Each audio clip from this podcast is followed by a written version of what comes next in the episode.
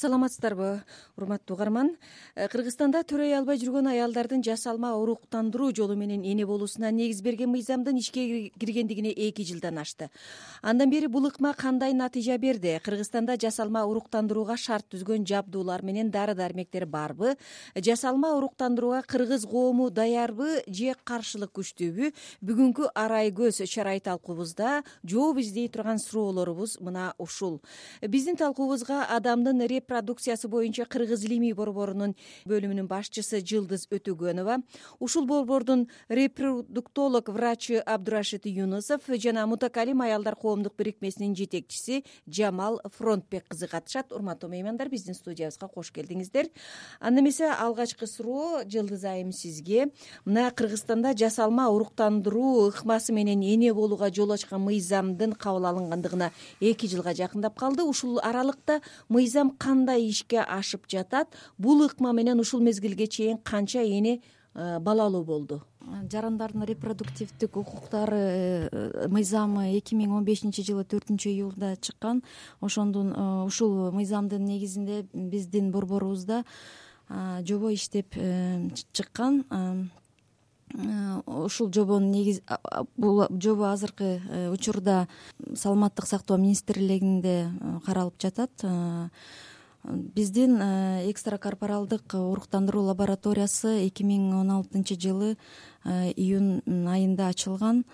Э, азыркы учурга чейин биздин лабораторияда жыйырма беш программа өткөрүлдү.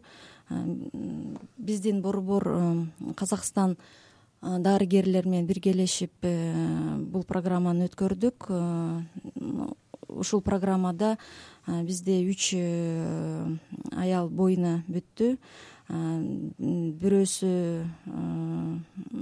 бир аялдын замерший беременность болуп калды токтоп калды э, баласы баласы өлүп калды өспөй калды. өспөй калды да ичинен кичике э, эмеде. Срокто калган эки аялдарыбыз азыр боюнда бар. Эми биз результатты положительный деп айта алабыз качан аял төрөгөн кезде. Абдырашид мырза э, ушул жасалма уруктандыруу боюнча кыргызстанда сиздердин маалыматыңыздар боюнча канча клиника иштейт? Анан бул ыкманы э, колдонуп э, балалуу болгусу келген жубайлар анын ичинде аял кандай даярдыкты көрүш керек? Кыскача айтканда кандай талаптар бар? Саламатсызбы? Биздин кыргызстанда азыркы убагында үч клиника алар иштеген уже көп болуп калды. Бир клиника беш жыл иштеп атат экинчи клиника үч жыл иштеп атат. Анан э, туркиялык э, келген турциядан келген эме клиникасы уже э, экинчи экинчи жыл болуп иштеп атат. Биз жылдыз кадырына айткандай жакында эле ачылдык. Эми ошого аракет кылып атабыз бүгүнкү күндө биз экоонун дарылоонун бир канча этаптардан турат. Алардын ичинен эң керектүүлөр төмөнкүлөр башында аялдар бизге келгенде анализди тапшырат. Анализди тапшыргандан кийин гормондорду анан көп анализ аябай көп анализди тапшырат. Анан терапевттер аны көрөт ошондон кийин башка адистерде көрүшөт да э? Ооба ооба. Анан ошол убагында көргөндөн кийин бизге э, уруксат берсе ошондон кийин биз экоону башталабыз.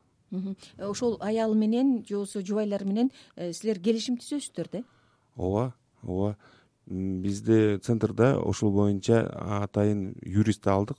Юристти алгандан кийин биз алар менен э, обязательно э, ушуну макулдашын ооба.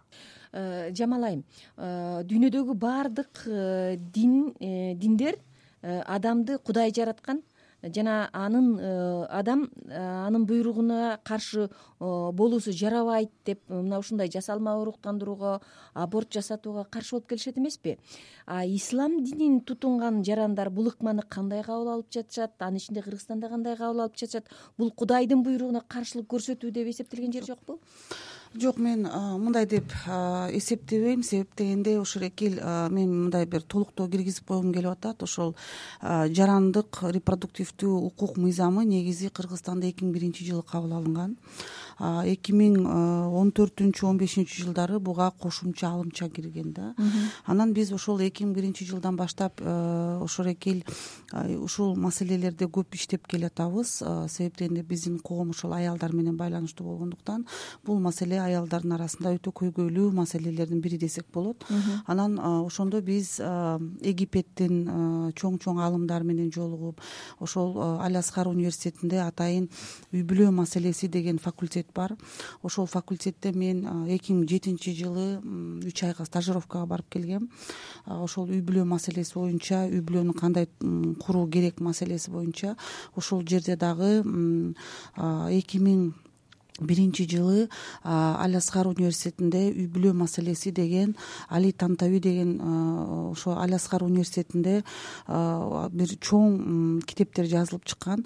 Ошонун ичинде ислам дининде үй бүлө маселеси деген да китеп чыгып ошол ар бир мазхабтын биз ошол абу ханифа мазхабы деп атпайбызбы ошол орто азия чөлкөмүндө ошол абу ханифа мазхабындагы шафи мазхабындагы хамбалет малики ар бир мазхабта үй бүлө маселеси кандай каралат?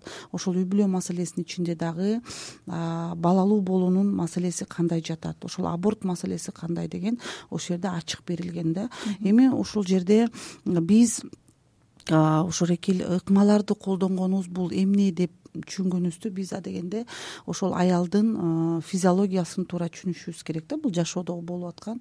Бул эко деген ошол эки эл мындайча айтканда аялдын биз мындай он жылдан ашып окуп атканыбызга тиешелүү ошол аялдардын трубасы жарабай калып ошол кудай берген мындай бир мүмкүнчүлүк. жок болуп калып атат да. Же трубасы чирип калган же алып койгон же ошондой бир же болбосо башка дагы бир мындай бир мүмкүнчүлүк болбой аткан табигый мүмкүнчүлүк болбой аткандан анан аалымдар дагы мындай бир бир чечимге келишкен эгерде эко кылса болот аялы менен күйөөсү ортосунда нике болсо.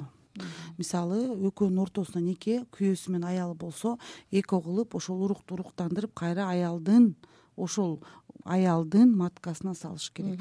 Башка донорго биздин дин салганга уруксаат берилбейт. Бул мүмкүн эмес. Ошол себептен бул ошол эки эл эгерде күйөөсү менен аялынын уругу болгон болсо анда буга ислам дини каршы эмес. Башка маселелер болгондо демек бул зына маселесине жатат. Бул ислам дини буга каршы жылдыз айым мындан бир нече жыл мурун ушул жасалма уруктандыруу ыкмасын кыргызстанда да ишке киргизүү үчүн турциянын мемориал деген клиникасы менен кызматташуу түзүлдү деп кабарланды эле да. Мындай кызматташтык кандай натыйжа берип жатат? Мындан башка кайсы өлкөлөр менен кайсы өлкөлөрдүн клиникалары менен кызматташтык бар? Биздин борбор казакстан менен эле кызмат кылып атабыз. Азыр дарыгерлер менен туркиянын мемориалын мен айта албаймын. Ал кайсы э, казакстан менен э, канча клиника менен анан э, тажрыйба алмашуу дары дармектер дарыгерлердин ортосунда дагы тажрыйба алмашуу болуп атабы? Албетте ал тажрыйба алмашуу болуп атат. Алар бизге келип бизге жардам берип биздин жабдыктарыбызды көрүп биздин жабдыктар европалык стандартка туура келет туура келет э, ошон үчүн алар биздин биринчи келип э, лабораториябызды көрүп э, анан кийин айтышты да силердики жакшы экен аябай иштесе болот деп биз менен ушу программа жүргүзүп жатат. Ал эми батыш өнүккөн батыш өлкөлөрүндө бул ыкма илгертен бери эле болуп келе жатпайбы? Анан ал жактарга дарыгерлерди жөнөтүп тажрыйба алмашып жатасыздарбы албетте алмашып жатабыз. Мына биздин репродуктологубуз э, абдырашид юнусов э, бир нече москва шаарына барып келген казакстанда болгон көп жерлерде э, өзүнүн эмесин тажрыйбасын. көтөрүүгө дайыма окууга барат барып турат. Абдырашид мырза ушул чет мамлекеттерден кандай ушул ыкманы жүргүзүүдө кандай бир өзгөчөлүктөр бар экен? Анан кыргызстанда ишке ашырууга мүмкүнбү? Тажрыйба шарттар болуп атабы бул жерде? Эми мындай экстра корпоралдык уруктандыруу. Бүгүнкү күндө тукумсуздугу даярдоонун бирден бири замандап эффективдүү ыкмасы болуп саналат. Анан бир миң тогуз жүз жетимиш жетинчи жылдан баштап улуу британияда башталган э, башталган роберт эдвардс деген. Ошондо сексен э, жетимиш сегизинчи жылда биринчи кыз төрөлгөн луиза браун деген сиз ошону түшүнүп атасыз бүгүнкү күндө уже кырк жыл ошол эме өткөн. Анан казакстанда россияда жыйырма жыл ошол маселе менен анан ушул проблема менен чечимдүү элдер иштеп атат. Биз азыркы күндө жарым жыл болгону иштеп атабыз кыргызстанда. Конечно биз ага жетпейбиз. Аларга эме жетиши кыйын бирок биз алар менен тажрыйба алмашып атасыңар. ооба тажрыйба эме алмашып атабыз. Биз программаны алар менен чогуу эме азыркы убагында түзүп атабыз